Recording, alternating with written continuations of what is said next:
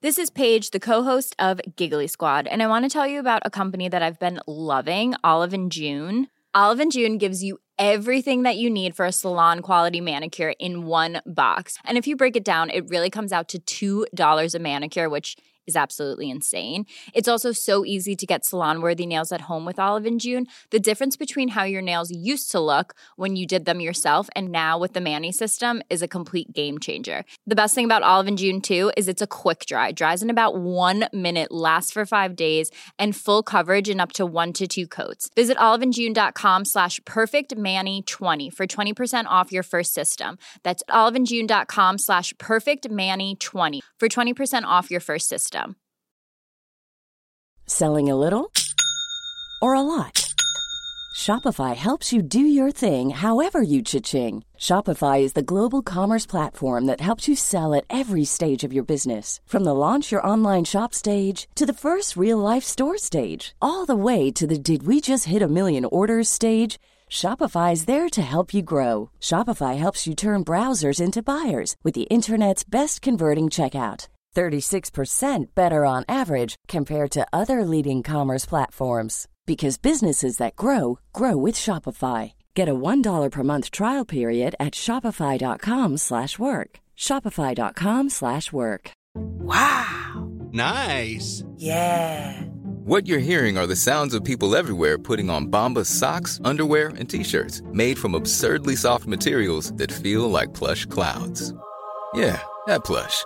And the best part? For every item you purchase, Bombas donates another to someone facing homelessness. Bombas. Big comfort for everyone. Go to bombas.com slash ACAST and use code ACAST for 20% off your first purchase. That's bombas.com slash ACAST. Code ACAST. Veckans sponsor är Telia. Hos Telia samlar man mobil, bredband, IT-support, mobilväxel, allt som gör företagande enkelt. Och det är just det här att samla allt på ett ställe, att ha någon att vända sig till när det inte fungerar, det är Telia. Ett exempel på vad som inte är Telia, det är ju som när jag lyckas boka förmötet för en poddinspelning med Finansinspektionen till efter själva inspelningstillfället. Eller när jag här, här året var liksom, fick för mig att jag skulle börja springa, så jag är liksom ute och springer taggad, träffar en kompis som säger så du Jan, på måndag ska jag springa ett lopp. Och jag känner så här, ja men det låter inspirerande, så jag käkar pasta, jag byter om, tar mig ner till Malmö stadion för att göra en efteranmälan, står där i kön och sen så när jag liksom anmäler mig så tittar de på mig och säger så här, du Jan, vårhuset är bara till för kvinnor. Och eh, det var, det var typisk en situation som inte är Telia. Oavsett, ett stort tack till Telia som sponsrar, gör Rika Tillsammans möjligt, men framför allt tack till dig som lyssnar, följer och eh, hänger med oss varje vecka. Men jag tror precis som du att energipriserna kommer vara fortsatt höga i framtiden. Framförallt kommer de variera mycket och då blir det här med liksom energieffektivisering än viktigare. Du lyssnar på Rika Tillsammans-podden som handlar om allt som är roligt med privatekonomi. I den här podden får du varje vecka ta del av konkreta tips, råd, verktyg och inspiration för att ta ditt sparande och din privatekonomi till nästa nivå på ett enkelt sätt. Vi som gör den här podden heter Jan och Caroline Bolmesson. Idag är det dags för avsnitt 249 och idag ska det handla om energi. Och eh, detta är ju så här, för dig som har följt oss länge, så för något år sedan så gjorde vi ett avsnitt där vi pratade om el och energi eftersom det är en ganska stor kostnad för oss som har hus eller om man mm. bostadsrättsförening eller om man äger fastigheter. Och då konstaterade vi ju att eh, vårt hus förbrukade typ 36 000 kilowattimmar på årsbasis, vilket är mycket. Det är typ dubbelt, så det är som två hus, yeah. fast, fast det är ett. Och eh, nu i julas när det blev liksom så här höga energipriser, jag tror vi fick total elräkning på typ så 18 000 i ja. december.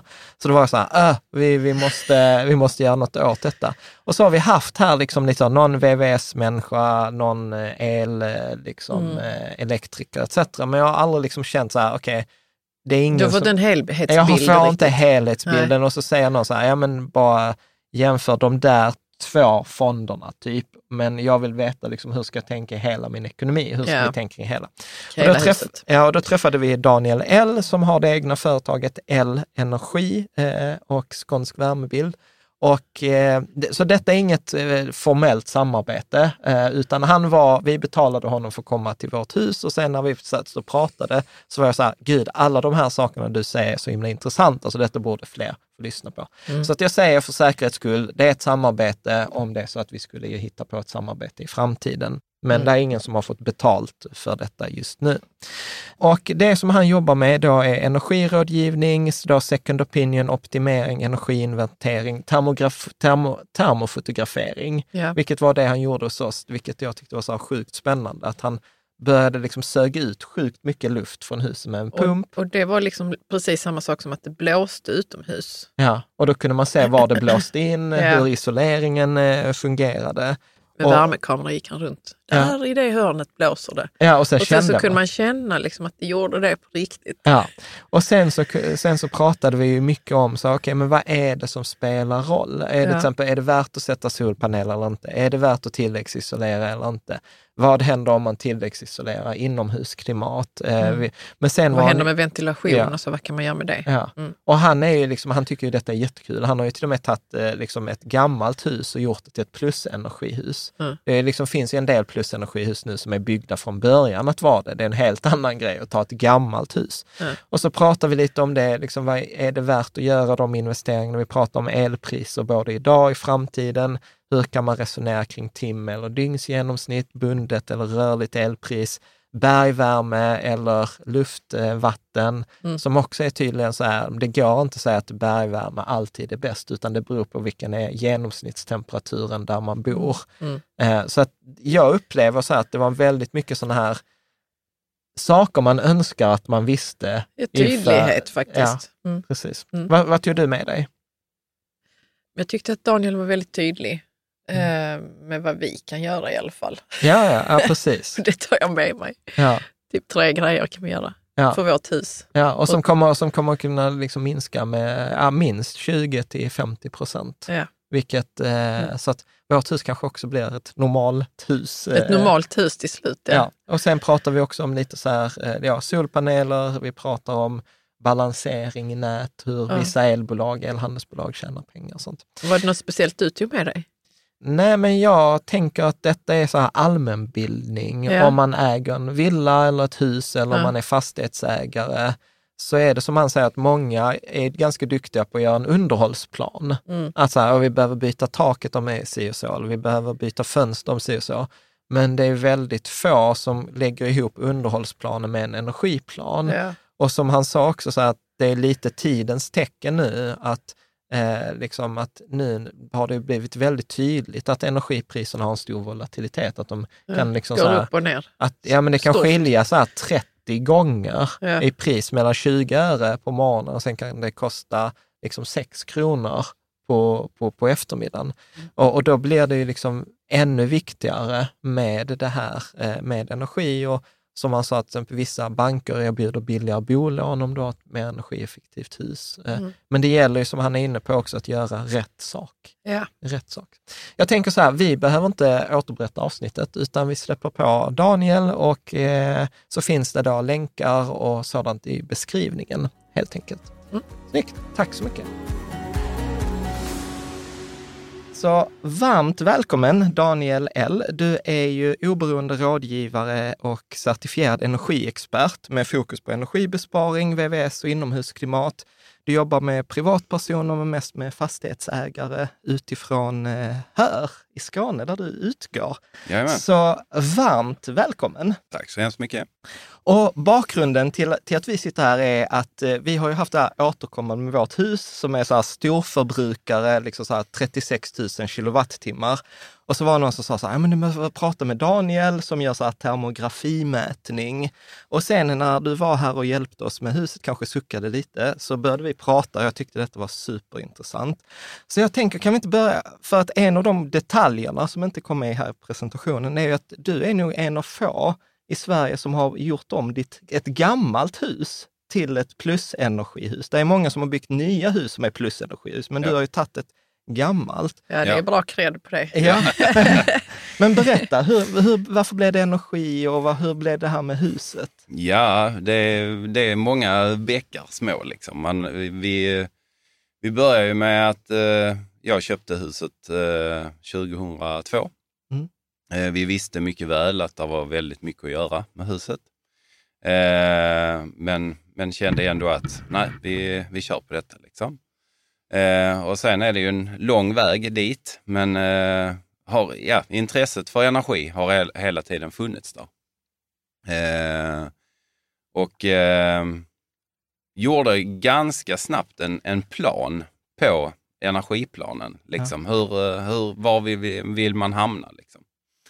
Eh, och redan då 2005 någonstans där så börjar man prata om extremt energieffektiva fastigheter och hus och så vidare. Och då tänkte jag, ja, det är nog dit vi ska sträva. Precis, alltså man, kan, man kan säga så här att jag gjorde detta innan det var coolt. Ja, jag, jag försökte var försökt att göra det i alla fall. Ja. Sen, Men berätta, eh, berätta vad, ja. vad är ett plusenergihus för den som inte vet? Alltså, man, det, man kan väl säga så här, ett plusenergihus är ju då att man kanske då producerar mer energi än vad det gör av med. Mm. Sen kan man ju mäta detta på olika sätt. Det finns ju då massa olika certifieringsorganisationer där man då ska klara massor med olika krav eh, för att då bli certifierad. Eh, och sen finns det då den här varianten att man har netto noll energi på årsbasis, att man producerar då lika mycket energi som man gör av med. Eh, och så va. Men, men grunden i det hela är ju att man ska få en så låg energiförbrukning som möjligt från början för värme och varmvatten och hela den Så det är liksom inte meningen att man har ett, eh, liksom ett, ett stort hus som läcker som ett såll, men sen har man en stor solpanelspark. eh, Nej, alltså det är ju... Jag, jag skulle vilja säga att det absolut optimala, eh, och det kan man ju se på de flesta fastigheterna i hela Sverige och hela Norden nog, att eh, de läcker ju extremt mycket energi. Eh, och den energin, det är ju den vi ska spara. Eh, och där, där finns det då olika varianter med trianglar och så här med isolering och vilket man ska fokusera på från början. Men kan du inte berätta lite vad ni gjorde med ett hus? För att du har ju berättat som jag säger, ja men vi har en inomhuspool och den använder vi typ som ett batteri. Och jag var så här, Jag vet inte, eh, var det så också att ni hade övrig renovering? Som ni tänkte så här, ah, men Ja. okej, vi ska göra övrig renovering, så då kan vi lika gärna täppa igen liksom alla de här läckorna som finns, energiläckorna. Ja. Och sen kan vi göra annat också för att Ja. göra smarta Alltså, batterier och sånt i När jag, när jag pratar med större fastighetsägare så är de oftast väldigt duktiga på att ha en, energi, eh, en eh, underhållsplan. Mm. De är duktiga på att veta att vi ska byta tak då, vi ska göra det då, vi ska göra ditt och byta fönster och så vidare. Men de har inte energiplanen. Eh, och där tycker jag det är väldigt viktigt då att de här två sakerna kuggar ihop. Så om man då ska bygga om taket till exempel, så ska man isolera och man ska kanske då titta på möjligheten att sätta dit solceller och hela den biten för att få en bra ekonomi i det, i totalen. Eh, för det är inte så ekonomiskt som man ser i många eh, verksamheter idag, att man renoverar taket, sen tar, tar man ner byggställningarna och sen efter ett halvår, ett år, så ja, nu ska vi, ska vi sätta solpaneler. Det blir ju massa merkostnader och då blir det ju inte så effektivt. Liksom. Nej. Eh, och där, det är många gånger man tappar de enkla sakerna. Liksom. Men har man då de här olika planerna och det går ihop, eh, eh, så, är, så, så går det ju väldigt enkelt. En annan grej som är ett problem eh, hos fastighetsägare och även villaägare i den mån, det är ju att de ser investeringen som det stora problemet. Eh, de ser inte driften. Eh, och det är, där, det är också en grej att ja, men det, det är bara en kostnad som vi måste lägga på våra vanliga kostnader och vi får aldrig tillbaka de pengarna. Mm. Men, men är det någonting som har med energi att göra så är det ju oftast det att man får tillbaka de pengarna och oftast ganska snabbt. Ja. För, för det tänker jag vi ska, vi ska prata om. Men jag vill fortfarande ha lite där med huset, för att jag tyckte att det var så himla coolt. Sen ska vi prata solpaneler och fjärrvärme och, Och ventilation och och ventilation sånt. och massa. Men kan du inte berätta lite så här, liksom, för, för att inspirera, vad är det du har gjort hemma? Mm. Ehm, ja, vi har, vi har ju bytt alla fönster. Vi har väl 49 fönster eller fönsterdörrar, så det har vi ju bytt då till treglas och bra energi. Vi har ju då tätat och extra isolerat väggar och sådana saker. Eh, vi har eh, ganska mycket isolering på vinden, vilket många reagerar på. Vi har typ 900 millimeter. Och folk Och säger, är ja mycket." men varför, ja, ett normalhus i Skåne har kanske 3 till 400 millimeter. Vi har 900 millimeter. Varför har ni så mycket? Jo, för jag räknar med att det här huset, efter vi har renoverat det, ska stå i minst 50 år. Och eh, då tycker jag att det är ekonomiskt försvarbart att lägga dit den isoleringen.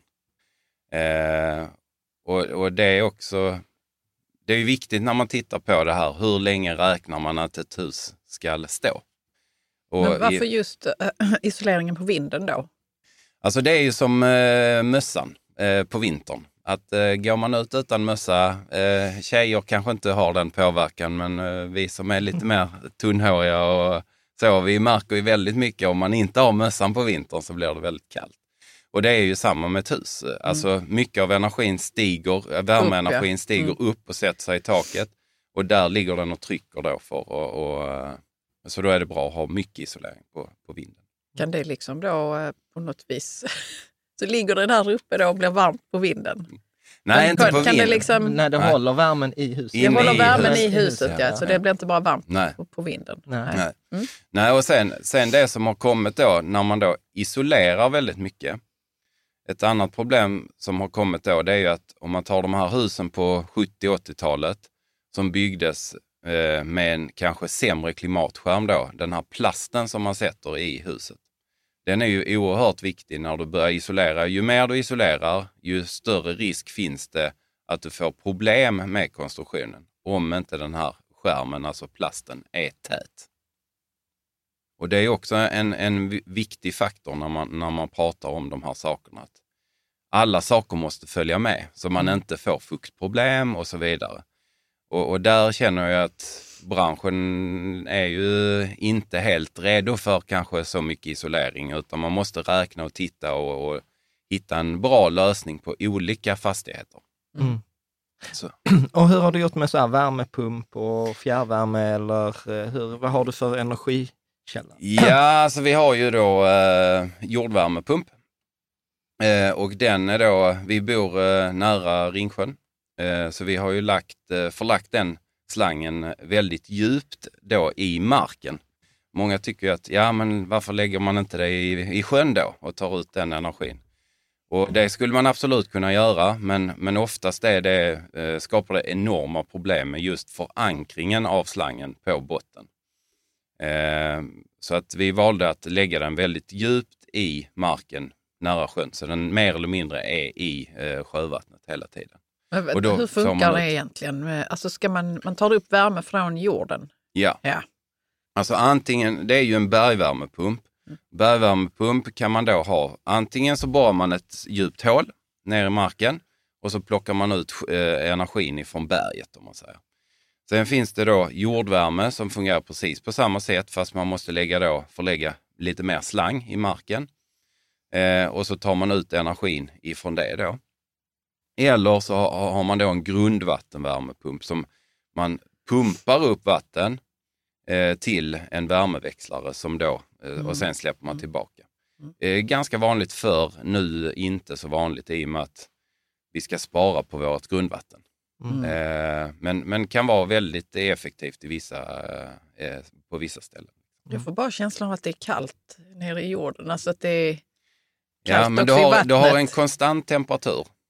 Eh, som är, alltså den är ju hyfsat konstant i alla fall. Eh, och det är ju det fördelen är. Då väljer man vilken gas man ska ha i sin värmepump för att den ska kunna leverera eh, med bäst effekt. Om man säger. För att det, det är, om du skulle ta för de som inte kan en värmepump, så lite kort, alltså du utnyttjar differensen i temperaturer. Ja, och så med en kompressor som, som då eh, utvinner energi ur den, ja, ur den lilla energin som finns så utvinner man då med, via en kompressor gas, olika gaser. Då. Mm. Sen kan man välja olika gaser och så och för vilka temperaturer och sånt man vill ha på eh, sekundärsidan. Då. Så att man får liksom så här, jag stoppar in en kilowatt men jag får ut två och en halv. Ja, Eller jag ja, stoppar in ungefär. en och Ja, får ut Mm. tre. Ja. Det kan man läsa på mer. Ja. Ja.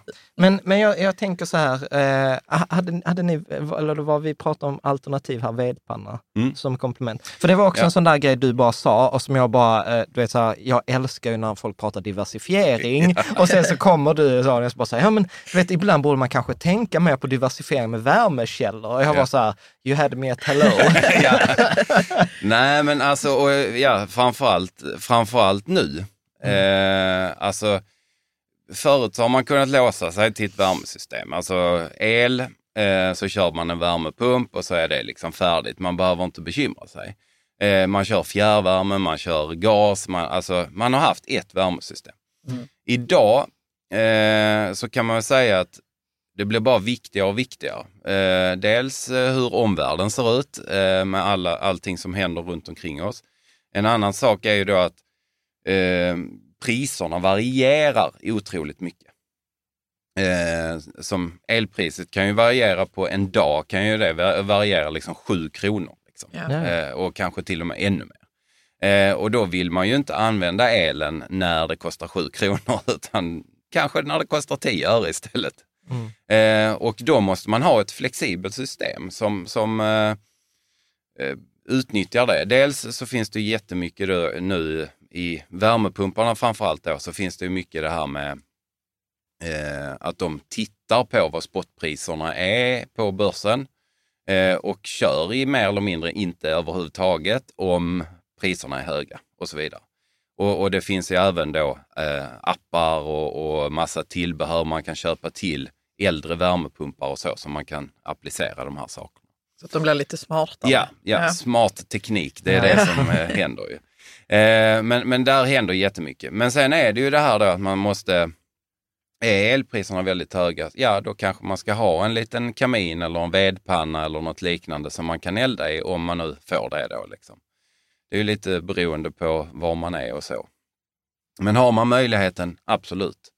Eh, och även då när det gäller större fastighetsägare, att man ska ju inte låsa sig kanske bara i fjärrvärme, utan man kan ju även ha värmepumpsteknik och köra det när, när eh, det är billigt. Liksom. Mm. För, för det pratar vi till exempel hos oss. Vi har ju en sån här eh, luft-vatten. Ja. Eh, och där sa det så här, liksom så här att ja, man hade kunnat kolla att ha en vedpanna liksom bredvid som man dessutom kan koppla, för vi har vattenburet. Ja. Att man hade kunnat koppla på Ja. det. Eh, men sen sa du också en, en sån grej att vi, vi hade, jag trodde ju att vi hade en värmepanna som var relativt ny, som var typ från 2011-ish. Ja. Sen var den ju stendum, för den går ju inte att göra smart, inte ens med prylar. Nej, jag, har, jag, har, jag har kollat och jagat Jag folk. vet att du har det. Ja, till och med pratat med Mitsubishi. Liksom. Ja. där bara, nej, det går inte. Men då sa du också så här att, ja men på senare år, så tittar vi bara så tre år tillbaka, så har det skett jättemycket. Så att det kan vara lönsamt för oss att till och med ta en, ta en panna som är tio år gammal, som många skulle väl säga är relativt ny, Mm. Ja. och faktiskt byta, fundera på att byta ut den. Ja. Vad är det som har hänt? Eller kan du inte berätta mer om? Ja, alltså man har ju gjort, eh, det som har hänt är ju att inom de senaste åren så har det hänt extremt mycket i, alltså eh, ja, all, alla elprodukter har blivit väldigt mycket effektivare.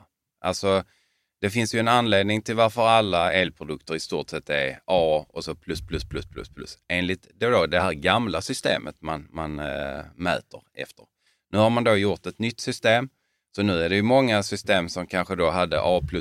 Nu har jag inte satt mig in exakt hur det är i elbiten, men de kanske är G idag i det nya systemet. Så idag måste man är väldigt noga med när man tittar på elprodukten eh, och jämföra, är det den nya standarden eller den gamla standarden? Och, och så. Och det kan vara väldigt bra att veta för gemene man.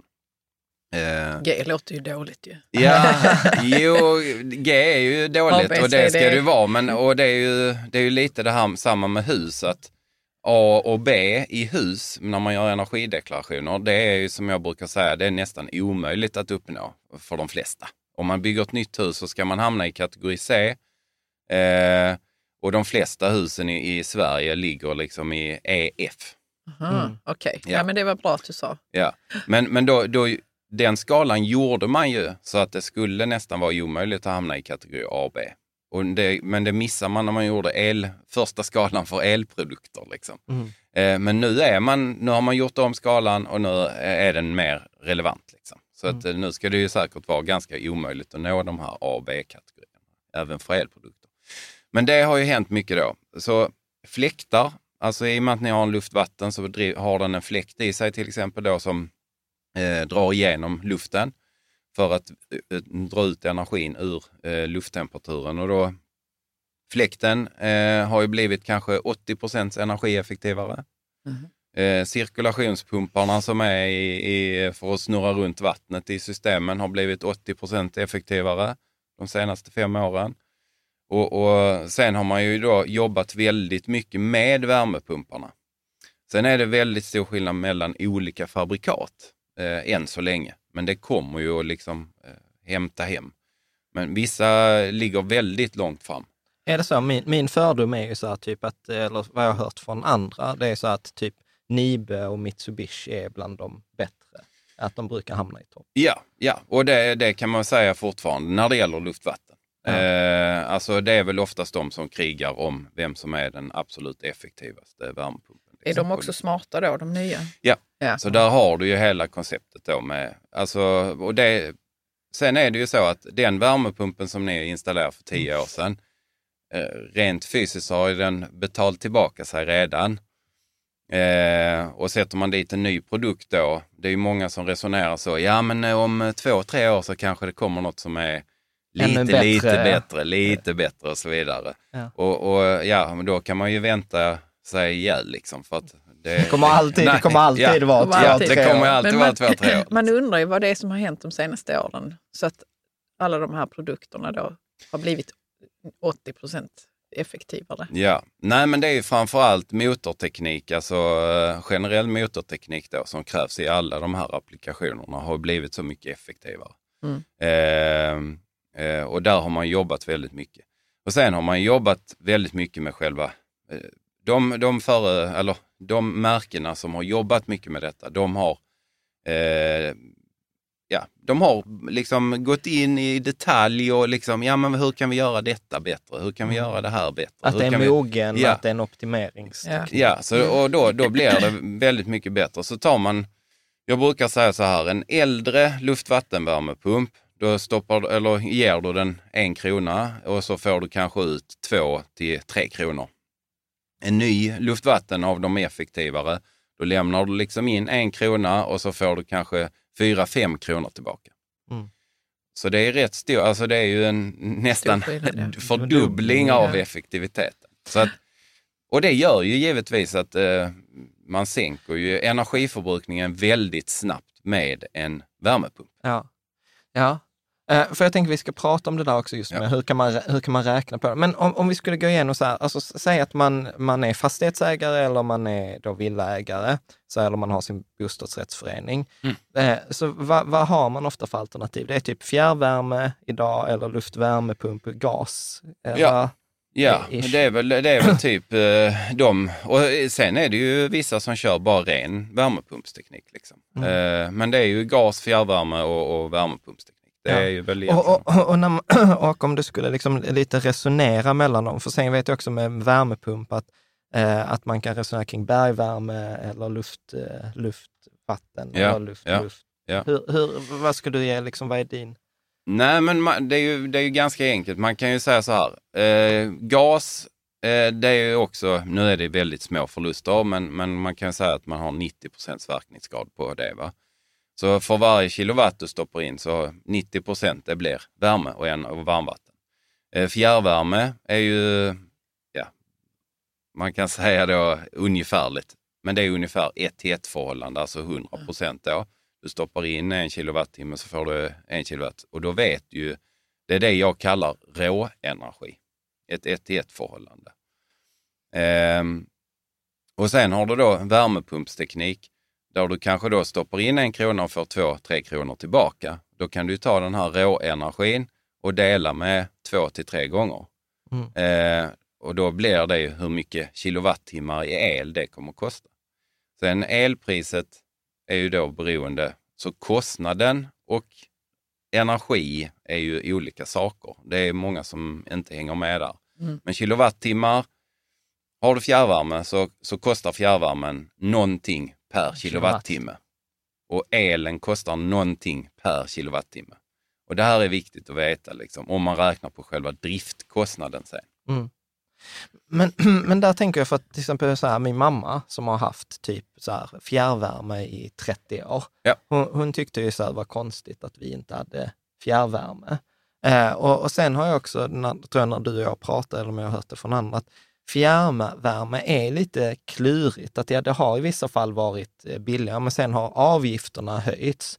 Och sen var du också så här, ja men fjärrvärme har ju varit lite så här fusksubventionerat för att många industrier har haft spillvärme som sen har Ja. gått till fjärrvärme. Men nu är företagen så här, ja fast vi vill använda den här Ja. spillvärmen själva. Ja. Hur, hur är ditt resonemang? Nej, men alltså generellt kan man ju säga så att fjärrvärmenäten i sig, de är ju... Eh, där finns ju ganska mycket förluster.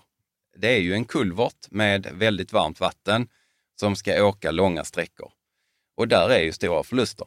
Eh, och även de här gamla kulvertarna, de har knappt isolering, så där är ju jättestora förluster. Eh, och sen har man då en panna som man eldar i då oftast sopor eller något liknande då för att liksom förbränna det på något bra sätt. Eh, och där har man ju förluster. Eh, och eh, det har ju då kompenserats mycket av eh, företagare i industrin som har alldeles för mycket värme. Mm. Som då har gett det här till fjärrvärmenäten.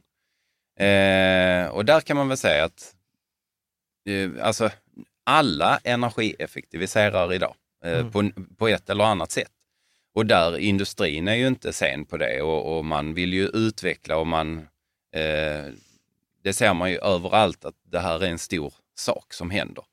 Eh, och då kommer ju förlu- alltså, vinsten till fjärrvärmenäten kommer ju att bli ett eh, problem. Mm. Om man ja, räknar på det ekonomiskt så borde det snart bli ett jättestort problem. Men Mm. när det händer, det vet man ju inte. Mm. Eh, så det, ja, eh, som sagt, det är ju svårt att säga. Men det är som sagt, det har varit lite subventionerat, så är det ju. Ja. Och, och för, för att när vi pratade då med vår, vår VVS, så sa han så här till exempel, just i vårt fall som bor i Malmö, som har relativt, vad ska man säga, hög genomsnittstemperatur, så sa han så här, ja, alltså så här med fjärrvärme versus den luft, luftvattenpumpen, så sa han så här, ja, antingen så kan du välja ha fjärrvärme, då kommer du ha det billigare, typ de där tio dagarna om året, det är minusgrader eller mer än minus tio och sen billigare de resten. eller så har du luftvärmepumpen, ja den är dyr de dagarna det är riktigt kallt, men eftersom det inte är kallt de flesta dagar så är det bättre med är det. Och det, är- det är sånt som jag tycker det är lite klurigt, för hur ska man tänka med, liksom, med temperaturer och Ja. värmekällor? För där sa du också så här, ja men bergvärme är bara lönsamt under åtta grader, tror jag att du sa. Ja, ja. Och det var så här sak som fastnade. Ja, nej men alltså det kan man väl säga. Alltså luftvatten nere i Skåne, västkusten, eh, stora delar av eh, kuststräckorna upp till Stockholm kan man säga. Kanske mitt inne i Smålands eh, skogar när det blir väldigt kallt på vintern. Ja, kanske börjar bli en sån där fundera mellan bergvärme eller luftvatten. Men eh, luftvatten, i och med att det har blivit så sju- ja, sjukt effektivt liksom i förhållande till för tio år sedan. Eh, och man kan utvinna mycket mer energi ifrån luften på ett bra sätt. Så skulle jag säga att luftvatten är ju en mycket billigare installation också. Eh, för att ska du börja borra och du ska göra de här bitarna så kostar det ju väldigt mycket pengar. Eh, så sen är ju fördelen då med bergvärme att precis som du säger, att när det väl är kallt ute, då vill ju man ha den här kanske 8 graderna att ta upp, för då får ju värmepumpen jobba på ett bra sätt och du, du behöver inte så mycket elspets. Idag, det man också har gjort med värmepumparna idag är ju att de är frekvensstyrda. Så de jobbar ju bara efter den effekten som huset behöver. Så den behöver inte köra många, alltså tar du maskiner för tio år sedan, då körde de 100 procent och sen, ah, nu är det fullt, så stannar den. Mm. Och så 100 procent och så stanna igen.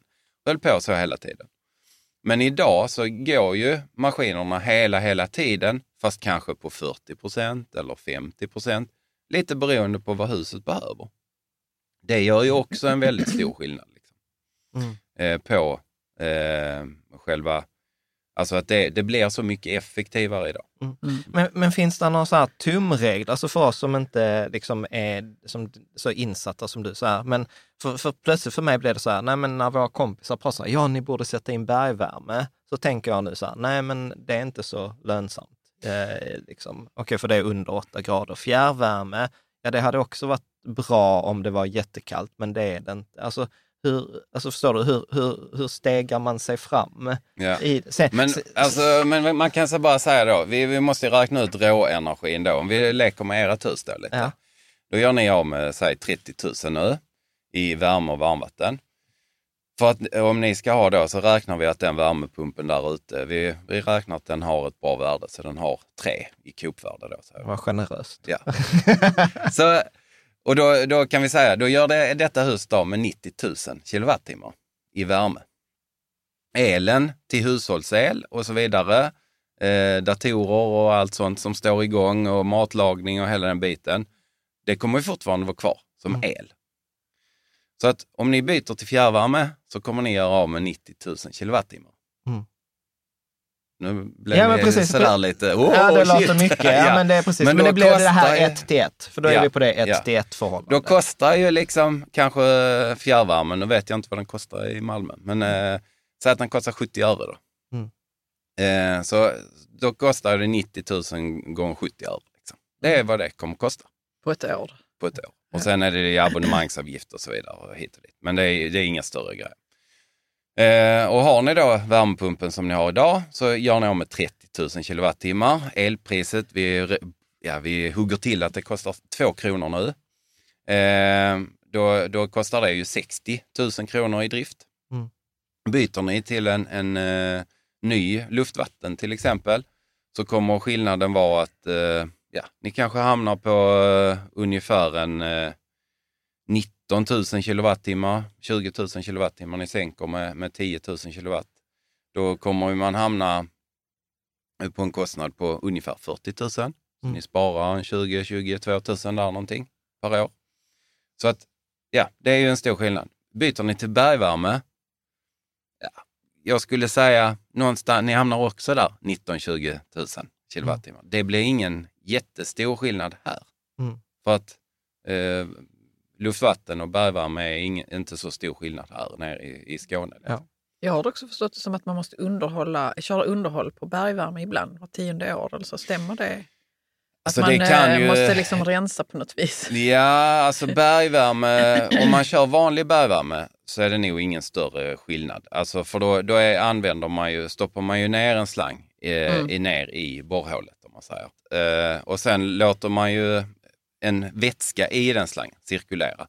Så det kräver ju inte så mycket underhåll. Nej. Däremot om man har en grundvattenvärmepump där man suger upp vattnet och har en, en eh, värmeväxlare och sen trycker ner vattnet på ett, i ett annat hål, då kräver ju det väldigt mycket underhåll. För att Mhm. då eh, blir, dels blir det beläggningar i, i värmeväxlarna och sådana saker som måste fixas. Pumpen måste ju underhållas då eh, nere i borrhålet för att pumpa upp vatten och så vidare. Så där, där blir det ju mycket underhåll. Ja. Sen eh, tycker jag, jag rekommenderar ju att man har någon typ av underhåll på, oavsett vilken värmepump man har. Mm. Så Ja. att man inte helt plötsligt står där en vinter när det blir kallt. Så då, då kan man säga så här, bor man typ i inlandet och där är kallt och man har typ Norrland, då är bergvärme kan vara en bra Ja, grej. ja. Liksom. Mm. Eh, super. Eh, Det, vi inte har pratat om är sån här vedpanna. Ja. Eh, eller som till och med som komplement. För jag, det har jag inte sagt till Karro. Men Nej. jag är ju lite sugen på den. Och så sa Ja, du, då behöver man ackumulatortank. Och du har fortfarande inte sagt om din pool. Nej, men vi ska ta den. Jag Ja. håller det i åtanke också. ja. Jag håller den lite. Ja. Nej, men alltså eh, fördelen då om man har, eh, ja, har man ett jobb där man kan vara hemma till exempel eller att man har den möjligheten att vara i närheten av sitt hem eh, och vill sänka sin energiförbrukning och ha go- god tillgång till ved till exempel så är det ju perfekt med att ha någon typ av, antingen då en, en riktig vedpanna som man kan elda i. Eh, och det gäller ju även då till exempel vid strömavbrott. Att eh, det blir nog troligtvis, eh, Ehm, ju, mer, ju längre fram i tiden vi kommer, ju, ju större kan de problemen säkert bli med att vi inte får ner el och så till, till södra delarna av Sverige och så vidare. Men, så det är någon typ av backup-system. Och där kan man ju då välja då, dels, vi har ju vattenmantlad kamin. Så att man kan njuta av den här eh, sprakande brasan vid tvn. Men det blir inte för varmt eh, vid brasan utan den då tar ju energin som är i elden och transporterar den med vatten till ackumulatortankar. Eh, som man då lagrar energin i. Och sen därifrån ut i, i värmesystemet i huset. Så att det värmer ju hela huset. Eh, och när, när man då har eldat tillräckligt mycket så stänger ju även då värmepumpen av och säger att nej, nu behöver inte jag köra för nu är det någon annan källa som eldar eh, eller eldar på så det Ja. blir värme. Liksom. Så det kan man ju absolut göra. Och sen sa du också att om man inte vill ha liksom den där mysgrejen, då finns det liksom effektiva Ja, vedpannor. ja, som Liksom, de är inte så roliga att titta på, men Nej. de maxar. Men var har man dem? Har man dem i källaren? källaren. Ja. Mm. Så Men- man går ner i källaren och... Ja, puttar in. Nej men alltså det, och det, det ska man ju, det kan vi kanske ta nu också, att eh, jag menar när en vedpanna, de flesta av de här äldre husen som har då en källare och så vidare, de har ju, de är uppbyggda för att det ska vara en uppvärmd skorsten. Alltså en vedpanna eller en, eh, kokspanna eller något liknande som stod nere i källaren. Som någon var och eldade i varje dag. Och då fungerade ju även ventilationssystemet.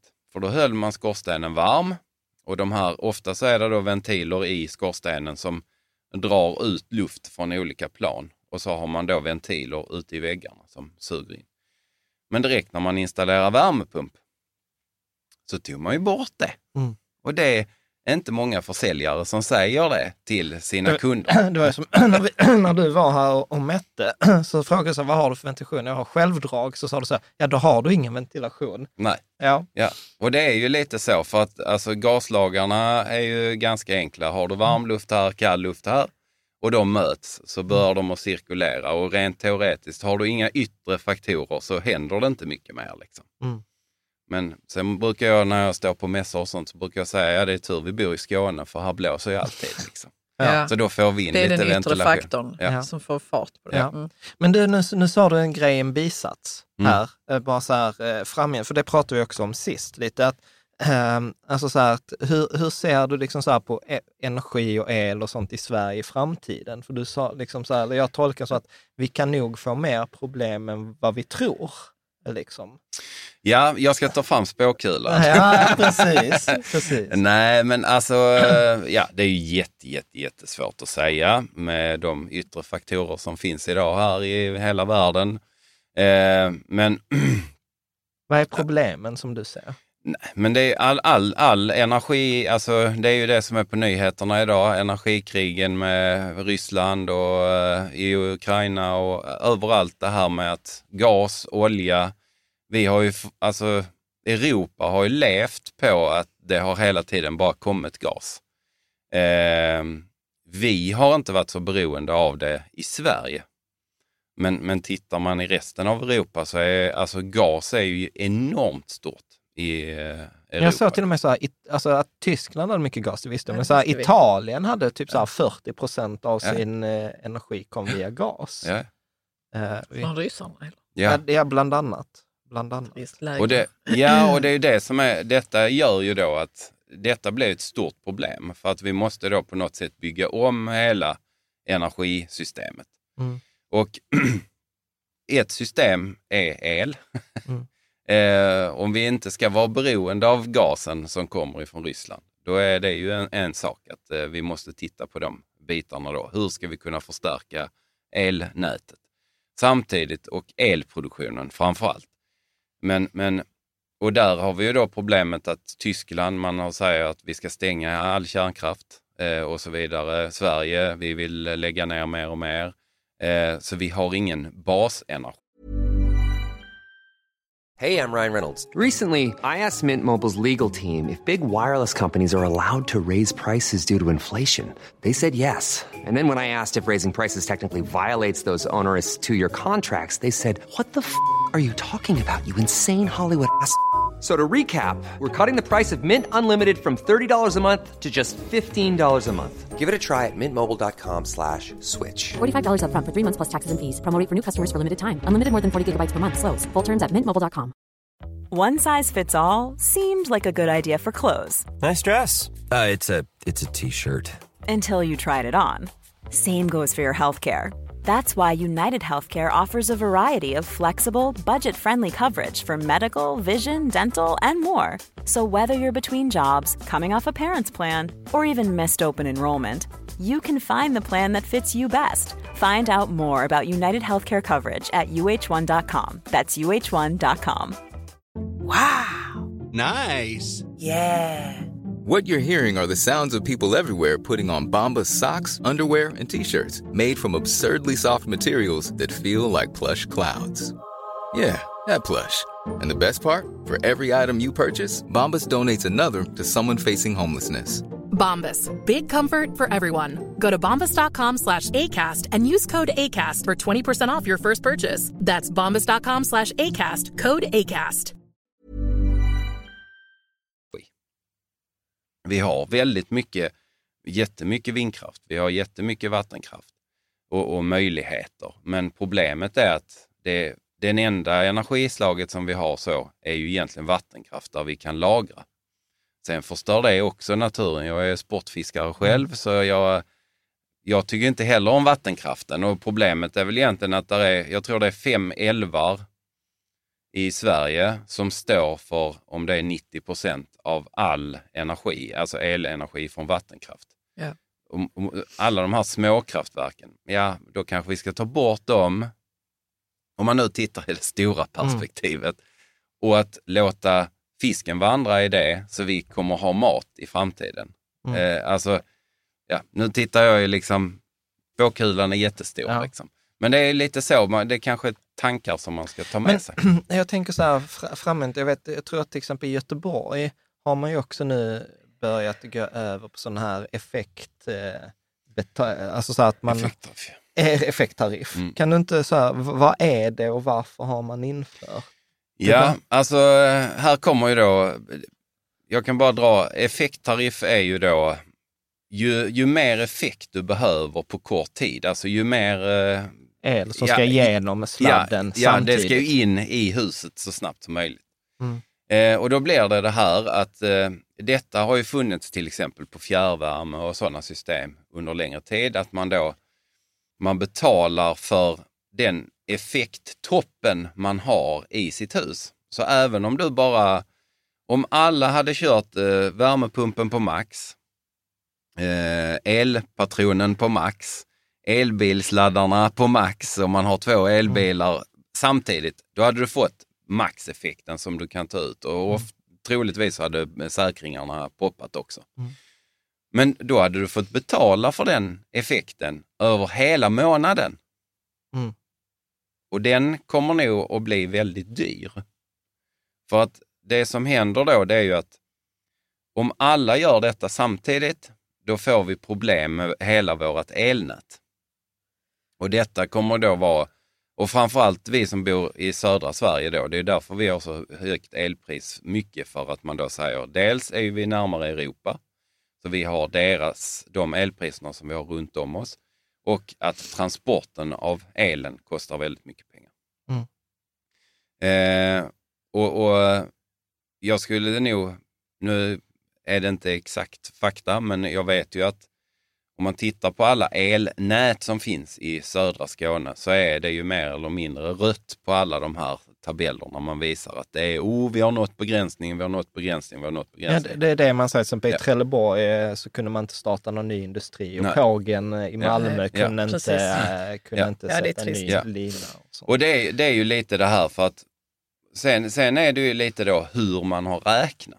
Alltså, för jag menar, eh, visst, Pågen hade ju säkert kunnat eh, köra sin verksamhet om de hade kört verkligen på natten. Liksom. Mm. Nu kör de kanske väldigt mycket på natten, jag vet inte. Men, men hade de kört på natten så hade ju inte, då hade nog troligtvis inte belastningen varit så stor på nätet. Så det hade kanske funkat. Liksom. Men, men detta är ett problem som vi kommer att leva med. Och därav så tror jag inte, idag betalar vi per kilowattimme hur mycket Mm. vi har förbrukat. Eh, men jag tror att systemen kommer gå över mer till att om du förbrukar väldigt må- många, eh, alltså hög effekt Mm. under kort tid, då kommer du bli bestraffad och du får betala mycket pengar. Ja. Ja. Så att man vill hellre att så här, kör hellre diskmaskinen på natten istället för på kvällen när Ja. alla andra Ja. kör den. Ja. Ja, och att man bygger ett system. Alltså, här handlar ju det då om att när det då blir kallt, eh, nu är vi tillbaka till energin. Mm. För det som är viktigt då är ju det här med att om man har ett väl isolerat hus, då även om det blir liksom 10 minus, så behöver ju inte du ha massor med mer effekt. För att du har isolerat så bra så att det påverkar nästan inte någonting. För du kan bara ha underhållsvärme. Ja, kan typ. Ja, alltså då, dels har du så mycket lagrat så blir det bara en 10 minus under en natt eller så, så kommer inte det märkas i huset i stort sett. Men har du då ett väldigt dåligt isolerat hus. Då kommer ju värmepumpen, elpatronen och troligtvis någon extra källa då, kanske någon byggfläkt eller något liknande, behöva stå igång för att kunna hålla värmen i huset. Mm. Eh, och det är där då piken av, alltså det här med toppeffekt kommer in, att det blir väldigt dyrt. För, för, för att det där, nu, nu kanske jag är helt ute och yrar, men det där har jag hört också i samband med att när det var någon kompis som var fastighetsägare som ville ha så här fjärrvärme och en luftvärmepump eller så här. Och då fick han liksom stryk att nej, du får inte ha både och. För då ville han så här, okej jag kör luftvärmepumpen när den är förmånlig och sen toppar jag upp med Vem, fjärrvärme. vem tyckte att han inte kunde ha det? Eh, Fjär, fjärrvärme. Vem var det? Ja men typ fjärrvärmebolaget. Ja. Inget Ja. namn nämnt. Nej. Är, är det något, alltså Nej, det men hade så, väl också med så toppeffekt? var det ju väldigt mycket innan ju. Eh, för att alltså fjärrvärmen är ju effektiv på det sättet att eh, man har ju väldigt mycket topp, eh, alltså man kan ta väldigt mycket toppeffekt av det. Eh, och, och, men många system idag, alltså många större fastighetsägare idag jobbar ju med ett system där man får betala två abonnemang rent fysiskt. För man får betala fjärrvärme och man betalar elen. Det står man redan med idag. Sen kan man ju då lägga på att nej, men vi höjer eh, kanske elförbrukningen lite eh, med att sätta in värmepumpar som då kanske kan ta ja, säg 80 procent av eh, den eh, värmeenergin som behövs i huset när den är billig. Och sen tar man då fjärrvärme när, när den behövs. Mm. Och när den, alltså den, den har ju sitt pris. Så att här gäller det, jag tror ju att man måste Alltså bolagen i sig, nu finns det ju vissa bolag, till exempel Kraftringen som har då både mycket eh, fjärrvärme och eh, eh, el. Eh, E.ON har både eh, fjärrvärme och el och gas. Så de har ju olika varianter. Men jag tror att elbolagen här, eller ja, nätbolagen, måste börja och fundera på hur man ska effektivisera detta på ett bra sätt. Mm. Så att fastighetsägarna kan dra nytta av att det finns olika system. Att man Ja. precis börjar tänka mer, mer diversifierat. Ja. Men jag tänkte bara fråga, eh, om man nu har ett välisolerat hus, kan man stöta på några problem med det? Att det blir eh, för sommaren, blir det för varmt inne i huset då? Eller har man dålig ventilation? Eller, de hänger Ja. inte alls ihop. Nej, alltså fördelen om man då om man bygger ett så här superenergihus då, säger vi. Då är det ju väldigt tätt. Det är väldigt eh, bra isolerat och så vidare. Och så vidare. Det man kan få då, det är ju liksom, det man tänker, det är ju fuktproblem.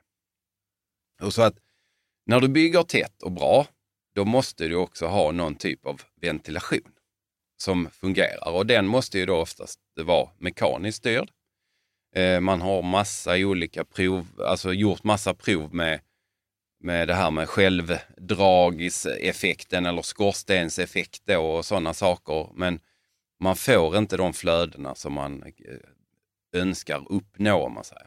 Mm. Så då blir det oftast det att man får ha någon typ av fläkt som driver runt eh, luften och då byter man ut det och då är det liksom inga problem.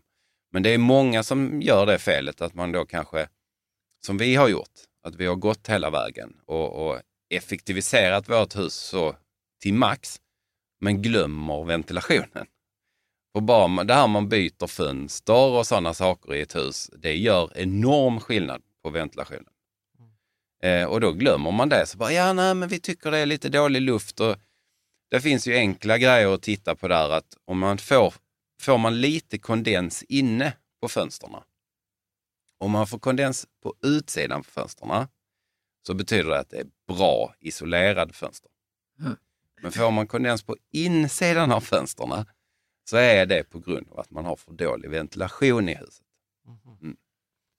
Så det är en enkel grej att titta. Att om man får en liten, liten fuktkant nere på fönstren så betyder det att man har för dålig ventilation.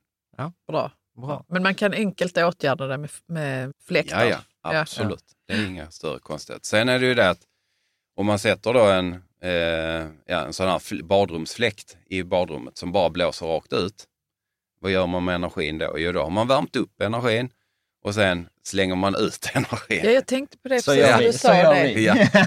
För att finns det inga sådana liksom lite effektivare fläktar som kör ut någonting men behåller något annat? Är du med på vad jag menar? Ja, det finns ju det. Och det, är typ, det finns något som heter FTX-ventilation. Det är från luft till luft och återvinning. Och då har man egentligen en liten låda, magiska lådan som har två fläktar. En som tar in ny luft och en som spottar ut den gamla luften, då, förbrukad luft som man kallar det.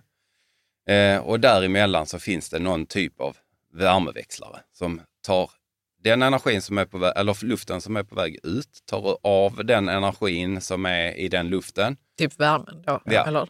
värmeenergin, och sen för över den till, till eh, eh, den luften som, är på väg in, som är kall då ofta. Det låter sjukt smart ju. Varför Ja. har vi inte det John? Ja, Vi har ju inte. ändå satt in sådana fläktar på ändå två ställen. Nej, det är bara vanliga paxfläktar. Det vi har ja, satt in. ja, det har vi. som- Ja. Ja. Ja. Men, eh, men är eh, inte de ganska stora? Alltså så de här lådorna? Eller? För vi tittade väl på en sån, att det är väl en ganska... Jo, men de, de tar ju lite plats, det gör Ja. de. Sen är det ju, det är alltid kanske svårt i, i ett, ja, ett befintligt hus att göra en lösning. Men ofta så blir det att man får ta lite hörn eller så, att man får dra då eh, ledningarna på lite olika sätt. Då, va? Mm. Men, Men- allting är ju möjligt. Så Ja. Men vet, hur var det nu på sommaren? Blir det för varmt i huset då?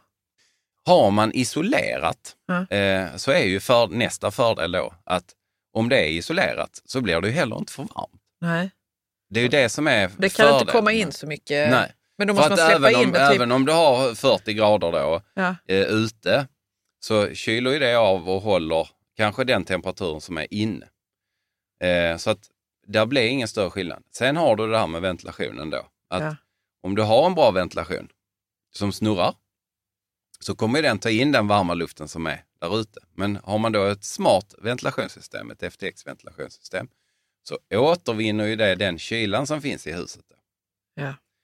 Eh, plus att du kan ju styra, om man då, antingen kan man ha kyla, eh, som efter 2018 sommar så blev det ju väldigt vanligt i mina projekteringsbitar att ja men eh, nej men vi ska, ha, vi ska ha kyla, vi ska ha kyla, vi ska ha kyla liksom.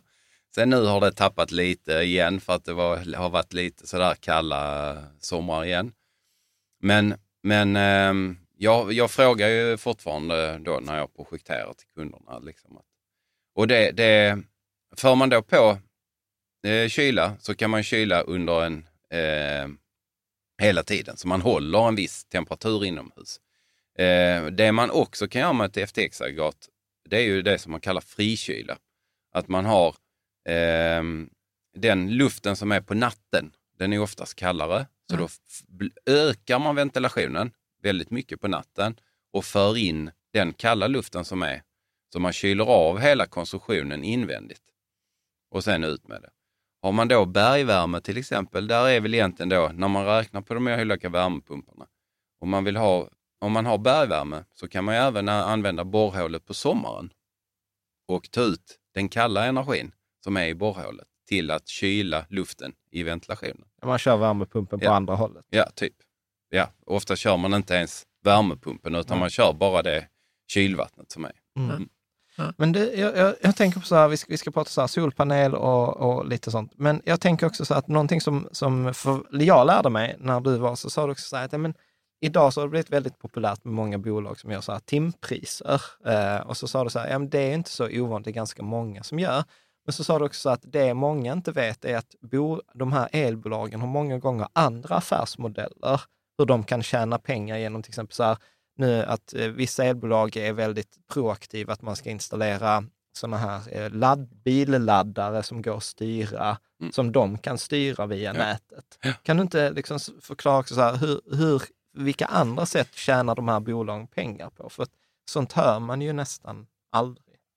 Nej, Nej och, och jag eh, som sagt, jag vet ju inte exakt hur allas affärsmodell ser ut. Liksom. Men, men det som kommer, det vi pratade lite om innan, det var ju det här med effektavgift, att det kommer att bli en stor grej. Och det handlar ju om, om man tittar i det stora hela på elnätet i ja, ja, hela egentligen i Europa. Eh, och då, då är det ju väldigt viktigt att vi har de här 50 hertzen. Eh, Och varför är det viktigt? Ja, för att man ska då hålla en... en eh, det finns så många olika eh, slags eh, produktionssystem idag. Eh, och för att det ska liksom fungera så vill man hålla hertzen på 50 eh, hertz så att det blir enkelt. Eh, och det kommer ju kosta pengar. Och tar man då ut väldigt mycket energi på kort tid så kommer ju hertzen att sjunka. Eller om man då helt plötsligt stänger av allting så kommer hertzen att öka. Och det är lite så man styr det och det kostar väldigt mycket pengar att kunna styra det. Och det, oftast har man gjort det då i, i, i eh, de här stora kraftverken eller en stor förbrukare då liksom någonstans som, ja nej, men vi kan stänga av och vi kan starta och vi kan så här liksom. Så, Och så har man- de fått pengar Så har det. de fått pengar för det. Det här blir bara mer och mer viktigt för nu kommer alla de här alla solcellsfarmare och så här, alla de här kommer liksom in i systemet och deras eh, växelriktare och så som när man då producerar det, de försöker ligga och hålla 50 hertz. Liksom. Men det kommer att bli problem längre fram. Så, och det handlar ju om eh, toppeffekter. Och då tror jag ju så här att många av de här elbolagen eh, som jobbar nu, eh, timpris till exempel, det har ju i stort sett alla idag. Jag tror det till och med är ett krav från 20, vad det nu är, 2021 eller något sånt, att alla elhandelsbolag måste ha det. Ehm, eh, och sen, det som händer då i bakgrunden, det inte vi ser, det är ju att många knyter, knyter eh, då massa kunder till sig och så har de oftast elbilar då och det har blivit lite hyped på vissa bolag då att så här och då ska man kunna styra, eller eh, bolaget, elhandelsbolaget kan styra deras laddboxar till exempel. Och det är ju bara för att de drar ju mycket energi. Har du då 10 000 kunder så kan de stänga av eller starta. Och i bakgrunden då så tjänar ju de rätt så mycket pengar på att sälja de här per dag. Att ja, men vi har så här mycket effekt som vi kan leka med. Eh, och eh, antingen starta eller stänga av. Och då får man en viss summa pengar för det. Mm. Och det är nog inte så många som känner till. Men, och det här kommer nog bara bli större och större, Mm. eh, skulle jag tro. Precis, för, för det, det är sånt, för sånt har jag funderat på ibland. Så här, men om de säljer elen till mig till spotpris, Mm. eh, okej visst, där är en abonnemangskostnad, men där måste ju vara någon, någon eh, twist som. Mm. man inte... Men när vi ändå är inne på det, hur, alltså, för jag vet en vanlig fråga som på vårt forum är, okej, ska jag välja så här tim, timdebitering eller ska jag välja så här dygngenomsnitt? Hur, hur ska man resonera, eller finns det ett rätt svar? Det finns inget rätt svar. Om ni hade valt bundet för ett och ett halvt år sedan och fått för 30 öre, så ja, välj det. Ja, Men, eh, och det är samma sak här. Spåkulan, ja, det är jättesvårt att säga. Det man måste... Det jag tycker är viktigt nu, det är att man ska kunna anpassa sig. Och det är, det, det är ju svårt, för har man då en äldre värmepump så är det ju jättesvårt att styra den när den kör. Liksom. Men man kan ju göra så här att det händer inte så mycket om, om man, eh, man ber en elektriker mer eller mindre och säga jag måste ha en kontaktor på den här kabeln Och mellan det här tidslaget och det tidslaget på, på, på morgonen och det här på kvällen, där får inte värmepumpen köra. Sen kommer det bli en liten, liten sänkning i huset, kanske. Men det, det är ju inget som gemene man kommer att märka oftast. Liksom. Men gör man bara det så vet man ju att värmepumpen, då, om man nu har en värmepump, att inte den kör just när det är som dyrast. Mm.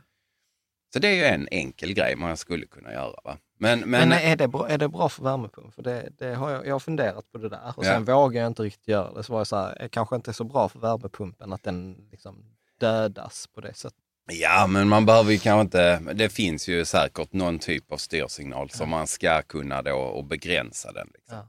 Eh, och, och det är ju som våran värmepump hemma, att den, den sänker ju effekten. Alltså den producerar, men den går ju ner på ett väldigt eh, lågt, lågt värde liksom och kör. Eh, så den producerar ju inte max. Och sen när det blir el, billig el igen så går den upp igen och kör. Va?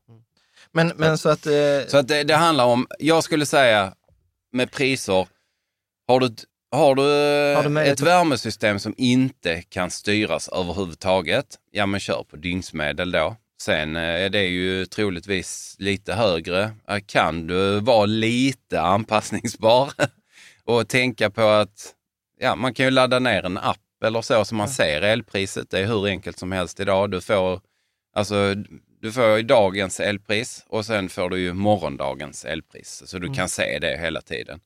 Ehm, och kan man då anpassa sig lite och lära sig. Man behöver ju inte, man kan ju börja liksom och bara titta i appen. Ja, Mm. men kan vi styra elbilsladdningen? Kan vi göra det? Kan man, alltså, För, jag, för där, vet, där vet jag också att jag tror jag läste en annan bloggare, Kåre Kupa, som också är lite så här nördig.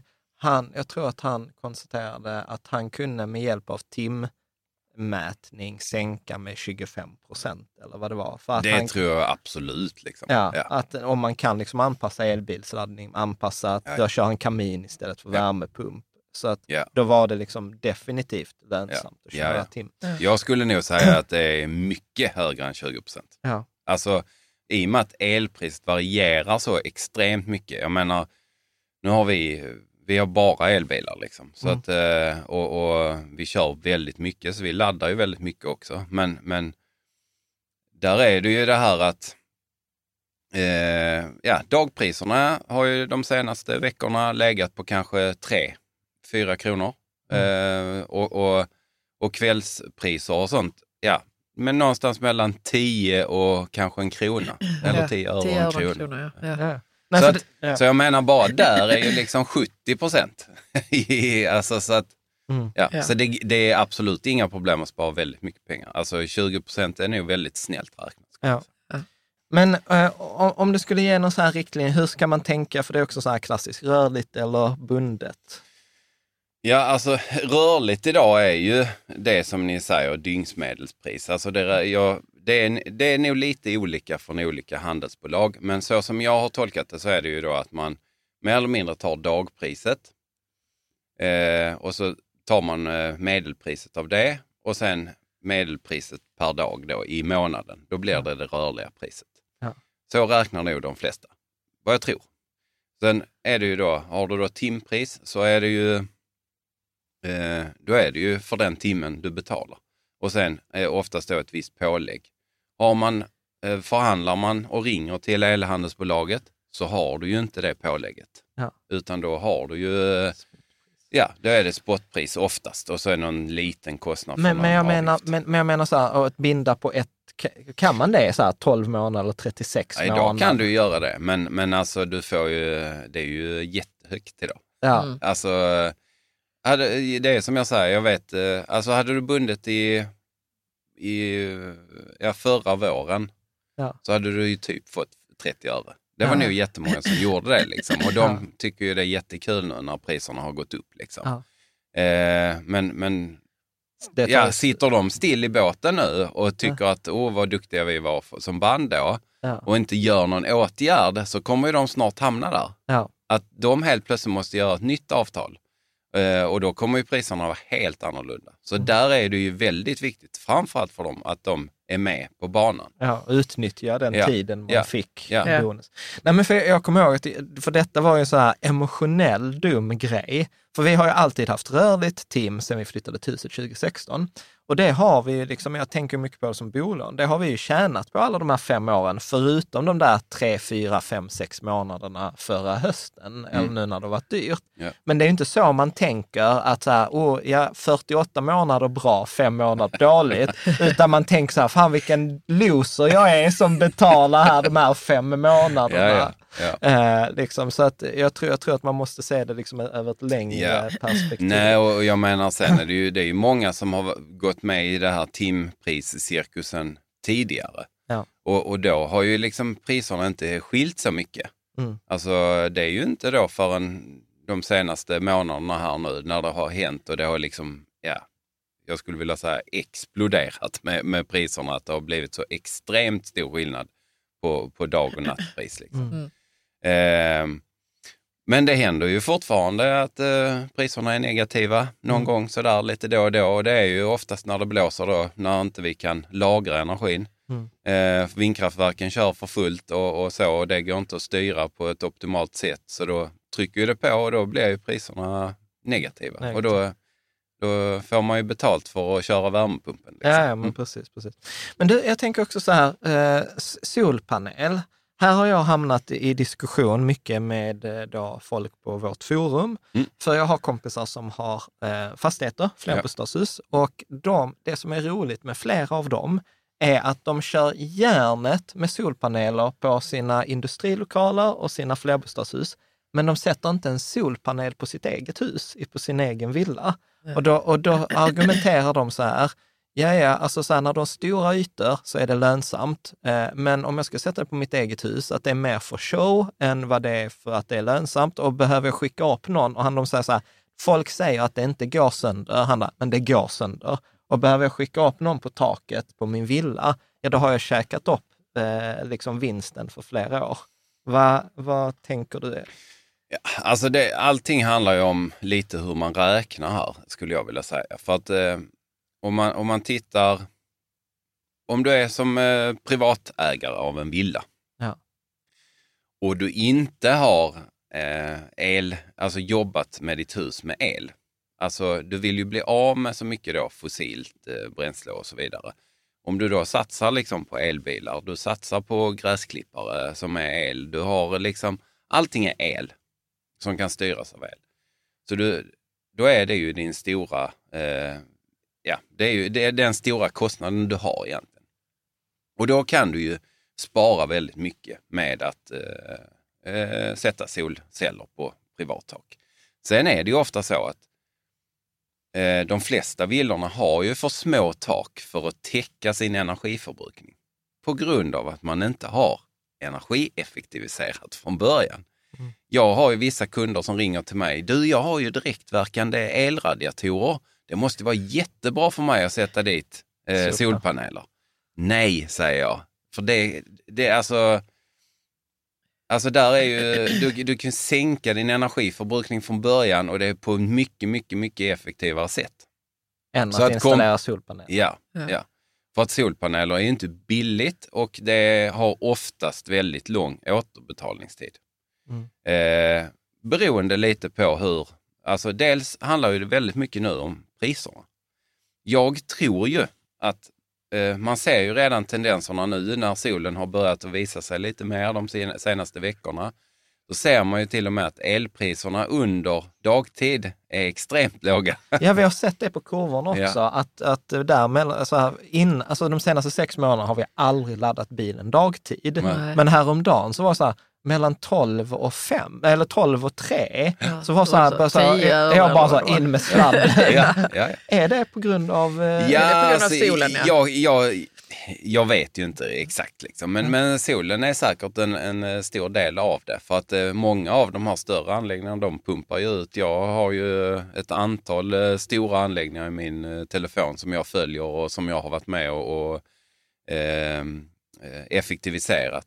Och man ser ju ju- just nu, april, maj, juni, eh, innan det blir för varmt, så kan ju de producera enorma mängder med energi. Mm.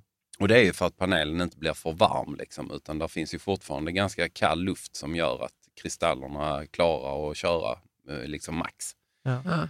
Så, att, eh, och, och, så jag tror att det är en av grejerna att eh, elpriset är lägre. Men vad sa du att den kan bli för varm alltså?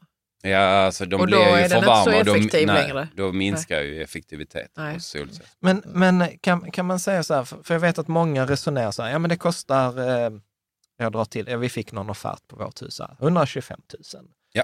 Eh, och, och sen så blir avkastningen så här 8 procent och så tänker man så här, det är hemräknat på 12 år och Ja. så är livslängden 20. Så att då kommer jag gå plus på detta på 20 år. Ja. Så, så om jag ska tolka ditt resonemang så är det så här, ja det är en del av kalkylen. Den andra kalkylen är att ta 125 000 och så titta, det kanske är bättre att du byter värmepumpen, för du kommer spara mer pengar på det. Men det är inte lika sexigt Nej. som att ha sol. Men det är inte så sexigt med 20 år heller. Alltså. Ja, det jag vet. tycker jag inte. Ja, jag det är för lång tid. Men, Ja. men, men, inom, men är, det, är det så man ska Nej, men resonera? alltså, ja, Eh, alltså jag, jag säger ju det att alltså, först och främst, och, och nu kommer vi tillbaka till det här med isolering. Ja. Eh, för att isolering, det är det som håller din energi inne i ditt hus. Det du tillsätter, det gör ju att det tar mycket, om du isolerar väldigt, väldigt bra, så stoppar du in en krona energi Mm. i huset så, och du har väldigt bra isolerat, tar det väldigt lång tid innan det försvinner ut.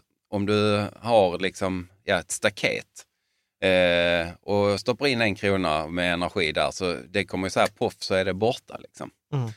Så därav så säger jag ju, isolering och sånt, det är ju sånt som är, det är det långtidstänkandet. Men sen när du har gjort alla de här sakerna, du har isolerat, du har effektiviserat, du har bytt till den bästa värmepumpen, du har gjort alltihopa och du har en väldigt liten energiförbrukning. Mm. Då kan man kompensera med solceller. För då får du en väldigt bra återbetalningstid på solcellerna. Mm. Men, men, och det är där, ja, Så kan man säga nästan som en tumregel, eller att innan dina solpaneler kan täcka din årsförbrukning så finns det förmodligen andra saker du kan göra. Alltså målet är hela tiden, skulle jag vilja säga, att man ska sätta en så stor anläggning som man förbrukar. Men innan man tittar på det då, gör man gör ett hus av med mer än, säg runt, ja, någonstans mellan 5 och 10 000 kilowattimmar, så ska man effektivisera på annat sätt. Ja, men det låter sjukt vettigt. Ja. Det, Och det låter så här Gör sjukt, sjukt så här 5 till 10 000. Ja, ja, vi är bara sex gånger mer Ja. än eh, det där. Ja. Ja, eh, Nej, Får men- jag bara och- och fråga sen- kring det här med isoleringen igen? Så det låter som ett stort ingrepp i huset. Ja. Är det det? Men kan vi inte Alltså- ta vårt exempel? För Ja. du, du har ju tittat på vårt Mm. hus. För, för att du gick ju runt med sån här termografikamera och så fotograferade vi så, så, så hittade vi liksom så hittade lek- sådana hörn där det Ja. bara blåste. Det var ganska coolt, det måste jag ändå berätta. Alltså, alltså för du öppnade dörren, sen satte du en stor fläkt. Och vad drog den fläkten ut? 1500 liter i Ja, minuten. sånt. Det var som Sekunden. om det blåste Det var som att det blåste ja. och sen blåste, liksom drog huset in och sen kunde Ja, man och det märker vi att det händer ju. Det blir kallt i huset Ja. när det blåser. Ja, och ja. väggarna var kalla. Och, och sen sa du så här, okej, men då, då har vi, vi har, för oss var liksom de två stora grejerna, så här, överväg byta värmepump, eventuellt sätta in en kompletterande typ vedgren. Mm. Men sen så var, pratade vi om tilläggsisoleringen. Ja. Eh, kan du inte berätta, så här, vad är tilläggsisolering? Kan liksom, funkar det på alla hus? Ja, nej men alltså absolut. Alltså, givetvis så, det här handlar ju då om det här med underhållsplanen och eh, energiplanen. Eh, ska man då byta tak till exempel så är det ju bra att man är med med energibiten där också. I ert fall här då som ni har en, liksom, eh, en vind där man har inrett för att bo i. Eh, och där har man då, nu, när man inrett det så har man inte gjort enligt konstens alla regler. Så det har inte blivit sådär jättetätt. Och dels blir det ju obehag för er som då bor i det, eh, den ytan. För att när det väl blåser ute så blir det kallt och man fryser och kanske inte kan vara på alla de här ställena som man Ja. önskar. Liksom. Och det handlar ju om täthet och det handlar om isolering. Eh, och den andra grejen ni säger då om framförallt vinden, det är ju att på sommaren så blir det jättevarmt. Ja, och det är ju för att det troligtvis, där är ju ingen jättebra isolering och då blir det ju det här att då Staket, går ju staket. solen mer eller mindre bara rakt igenom. Den har Liksom. en, en isolering som ett staket. Ja. Ja. Jag tyckte det var så roligt sagt. Ja. Så har du det tajt eller har du ett staket? Ja, ja men det ja, jag har, har en kompis, Blåser eh, rätt igenom. en gymnasiekompis, han, han eh, hade vissa villor som han kallade ett eh, förklätt renstängsel. Kallade de, dem. de tyckte de hade så dålig isolering. Jobbigt att bo där på Ja. Ja. Nej, men så att eh, så det kan ju göra enorm skillnad. Och, och framförallt är det ju mössan där då som är viktig. Sen eh, kan man ju titta på de andra delarna då. Eh, och har man då i många av de här äldre husen som finns, eh, framförallt då boningshus, eh, alltså flerbostadshus, så är det ju en dubbel tegelfasad med en luftspalt emellan. Och då räknar man ju det, eh, hur, hur mycket energi som går igenom det. Så då räknar man det med ett så kallat U-värde. Och för att få en liknelse, en van, ny vägg idag, den har ett U-värde på 0,13 ungefär. Ett, ett fönster, ett bra fönster idag har 1,0 i U-värde. Och en, en sån fasadvägg med tegel, luftspalt tegel, som är ganska vanlig, den har ett U-värde på 1,2-1,3 i U-värde. Men det är bra att ha ett högt. Nej, Nej, lågt. Nej, så lågt. lågt som Ja, möjligt. för jag tänkte, du, du pratar om att de bra fönstren hade nått Ett. ett. Ett. Ja, precis, men du måste tänka att fönster är inte isolerat. Det är ju Nej. bara liksom... Ja, fortsätt. Ja, så man ska, man ska ha så lågt värde som möjligt. Ja. Eh, och kraven då, det finns ju lite olika. Så eh, BBR-kraven idag säger ju att ett fönster ska ha ett bättre värde än 1,3 och så vidare. Ja. Men då kan man säga då, ja, eh, så räknar jag lite då på ert hus här. Och då, bara för att förstå lite med fasaden då. Vi, jag, nu har jag räknat ungefär 210 kvadratmeter. Jag vet inte exakt vad det är. Men bara så att man... Fasad. Ja, Fasad. fasadytan. Så det är ju lite bara så att man ska förstå. Och då i råenergi, eller då eh, fjärrvärmeenergi, så går det åt 25 000 kilowattimmar per år genom, det läcker ut genom fasaden. Med Så, värmepump, så att det är inte så mycket vi förbrukar. Det är bara det som Ja. försvinner. Ja, jag ut. vet, jag vet. Jag, Ja. ja. om man då tar det i kilowattimmar ifrån värmepumpen så blir det ungefär 8000 kilowattimmar. Och det är ju, då, det är ju en ganska hög siffra. Hade du då gjort, det, gjort en isolering på den här fasaden utvändigt, 100-150 millimeter och sen putsat om den eh, då. Ja. Då hade, det, då hade U-värdet gått ifrån 1,2-1,3 och sen ner till 0,2. Och det Så- hade gjort mycket för vårt hus. Ja, och då hade man kommit ner, så råenergin då hade liksom varit 5000 kilowattimmar per år. Och med värmepumpsenergi ungefär 1,7. Eller 1700 kilowattimmar per år. Så det är en enorm skillnad. Så det är ju 6500 kilowattimmar per år som man hade besparat om man hade gjort den åtgärden. Och med ett eh, elpris då på 2 kronor så är det ungefär 13 000 kronor per år som man hade sparat om man hade gjort den åtgärden. Men kostnaden för att göra den åtgärden, Ja, jag den är ju ganska hög. Ja. Och då blir ju det inte så effektivt. Alltså payoffen på det blir ju dyr.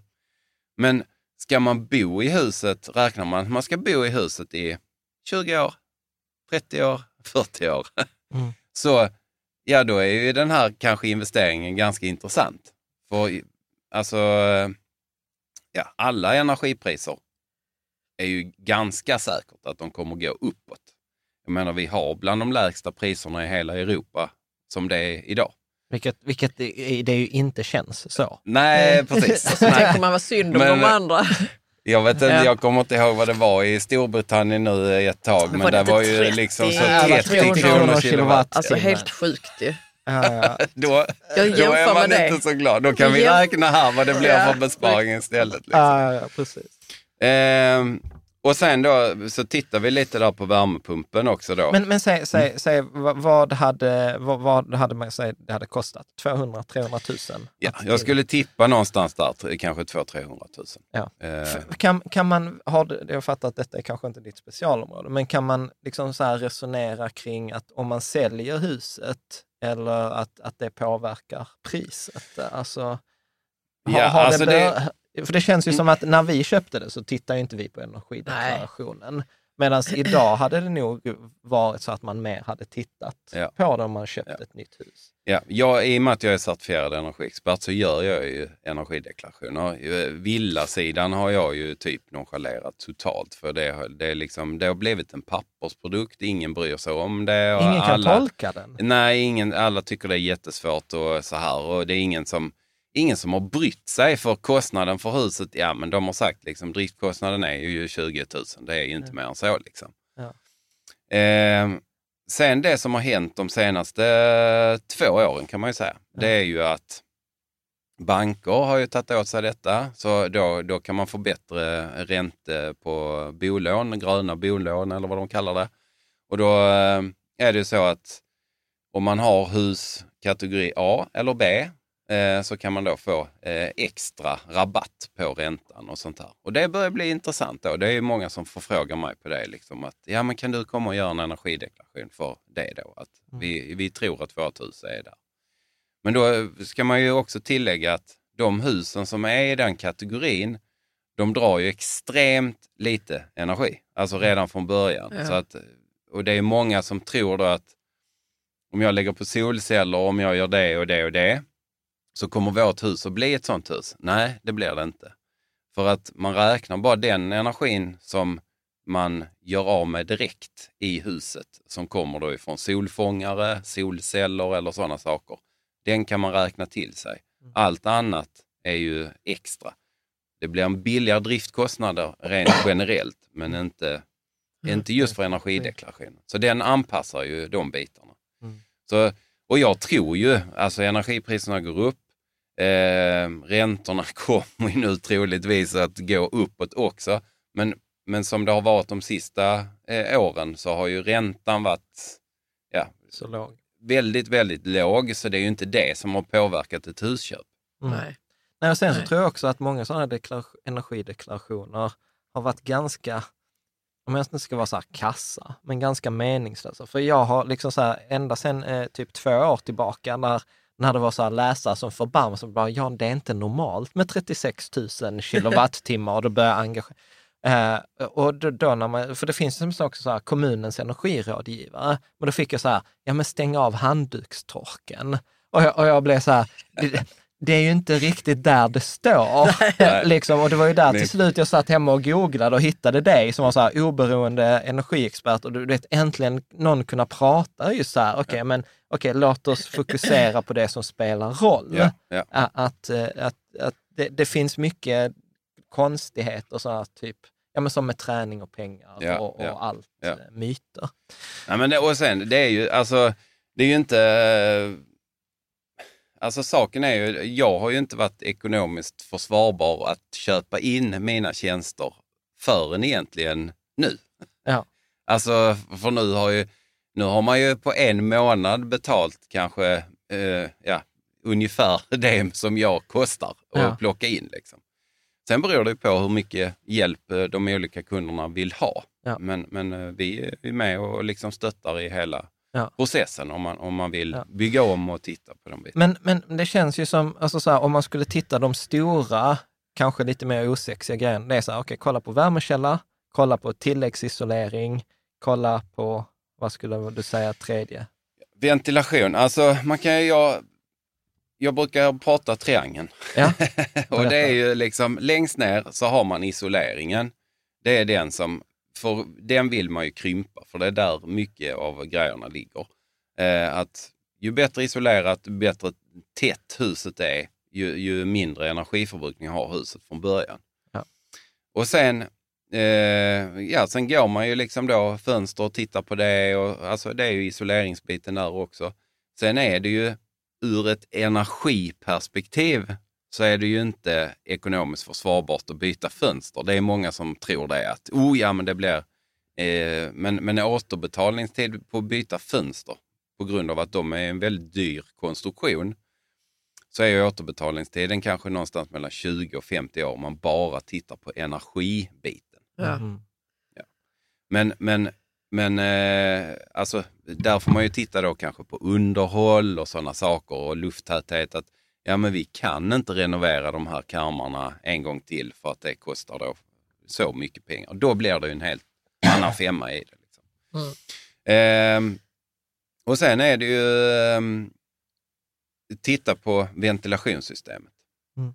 Eh, för där är ju ehm, ja, ventilationssystemet, det är ju ungefär en tredjedel av energiförbrukningen i huset är eh, från ventilationen. Och har man då, som ni, eh, fläktar som bara drar rakt ut, och då, då försvinner ju den energin. Det är ju energi som ni har värmt upp som åker Som- rakt som- ut. Mm. Och kan man då återvinna det på något sätt så är det ju oftast bra. Sen ventilation är ju också då en ganska dyr investering för att det blir ju i ett befintligt hus blir det ju problematik. Är det ett enplanshus är det ju väldigt enkelt för då drar man allting på vinden och så är det hit färdigt.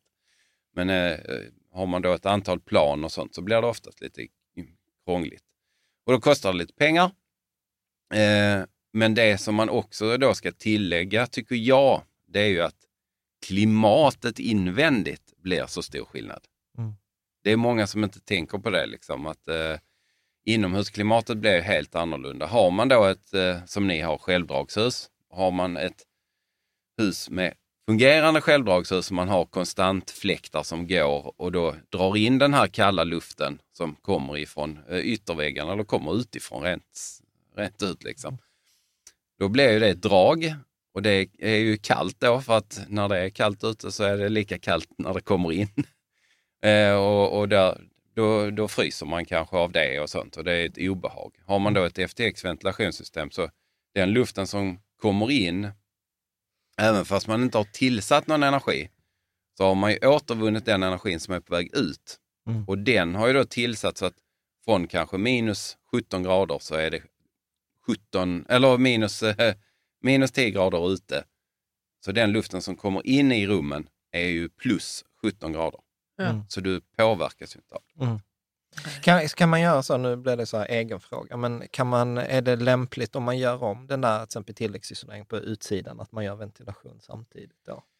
Absolut. Det låter vettigt Ja. Det låter Ja. rimligt. Och det, då har man ju fördelen med att man kan dra eh, rören och sånt i den isoleringen som man lägger på utsidan och så vidare. Ja. Så man kan få till det också. Ja. Så att, Eh, Absolut. och, och, och den vanliga invändningen mot, eh, mot tilläggsisolering, det är huset blir liksom tjockare eller? Ja, alltså och där, där är ju det också då hur man kan, eh, alltså det, det, vissa ställen då så är det ju K-märkningar och hit och Mm. dit så man inte får göra någonting med husen eh, utvändigt. Eh, så det kan ju vara ett problem och då får man göra det på insidan och då tar man ju boytan och det kanske inte är så trevligt. Eh, men i de casen man kan göra det på utsidan så är det det absolut bästa eh, enligt mig. För att då får du ju, ja, dels så får du inga större problem med fukt. Mm. För det är också en grej när du gör det på insidan så kan man få stora problem med fukt genom väggarna. För man flyttar ju kondenspunkten långt in i väggen. Mm. Och det vill man ju inte när man håller på med byggkonstruktion. Nej. Precis. Jag tänker så här, vi har snart pratat en och en halv timme, Ja. vilket är helt sjukt. Eh, Men, men, vi har inte eh, pratat om poolen som batterien. ja, ja, men om vi ska ta batterier, är det något som eh, liksom, det känns som att det fortfarande är för dyrt? För? Eh, ja, alltså, ja. No, hade, du, hade du frågat mig för sex månader sedan så hade jag sagt ja. ja. Eh, nu är ju vi i det här dilemmat då att priserna varierar något extremt. Eh, och hade vi sett tillbaka de här sex månaderna som har varit så hade det nog varit ekonomiskt försvarbart att räkna på det. För att om du då kan sälja energin eh, för 7 kronor Ja. och köpa in den för eh, 10 öre på, på natten, Ja. ja, då bör det bli ekonomiskt försvarbart.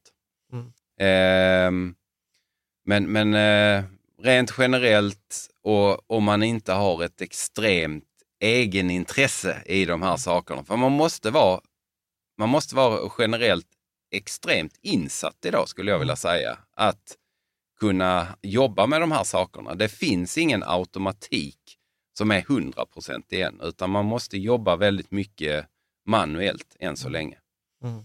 Eh, och det gör ju också att har man inte intresset så, Så blir det eh, så fallerar det ju lite. Ja. Ja. Men eh, jag tänker så här, att så här, avrundningsfråga. Är det något vi har missat? Är det något som du tänker så här, detta brukar dina kunder prata om eller? Eh, Alltså det finns väl säkert massor med saker som man skulle kunna diskutera, liksom. men, men eh, jag tycker vi har täckt av eh, det mesta. Ja. Det, detta vi har pratat om, det, det funkar lika väl egentligen principerna om man är villaägare eller bostadsrättsförening eller liksom flerbostadshus. Ja, absolut. Alltså, det handlar ju, alltså, jag tycker det är väldigt viktigt. Om man ska jobba med de här systemen så är det ju viktigt. Jag, ju, ju mer fakta man har, ju bättre är det. Många gånger så kommer jag till föreningar som säger, ja vi har, det är dyrt. Ja, men vad är det som är dyrt? Liksom? Och de, de vet ju inte. Eh, och många villaägare är ju samma sak. Ja, nej, men vi har, vi har väldigt mycket förbrukning. Ja, men var går er förbrukning? I ert fall så har ju du liksom en app ändå som säger att ja, nej, men det här 80% är är ungefär värme. värme och så här. Du har ju ändå koll liksom. Ja. Men, men många har ju inte den kollen överhuvudtaget. Liksom. Mm. Och, och där är eh, ett, eh, alltså mäta mer eh, så man får det svart på vitt.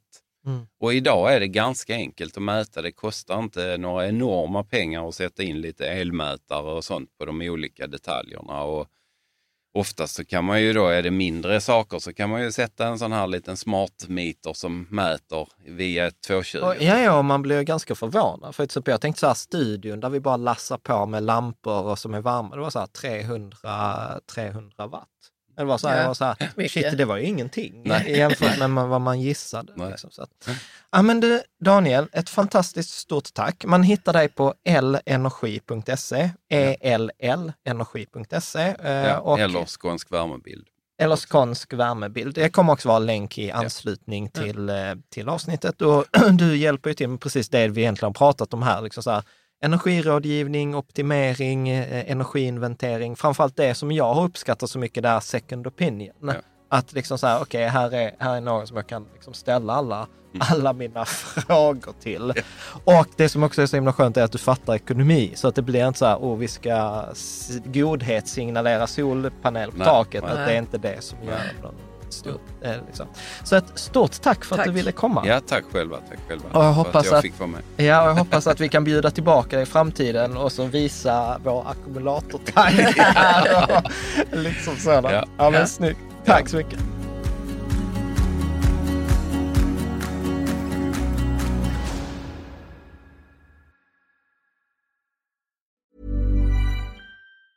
Even when we're on a budget, we still deserve nice things. Quince is a place to scoop up stunning high-end goods for 50 to 80% less than similar brands. They have buttery soft cashmere sweaters starting at $50, luxurious Italian leather bags, and so much more. Plus, Quince only works with factories that use safe, ethical, and responsible manufacturing. Get the high-end goods you'll love without the high price tag with Quince. Go to quince.com slash style for free shipping and 365-day returns.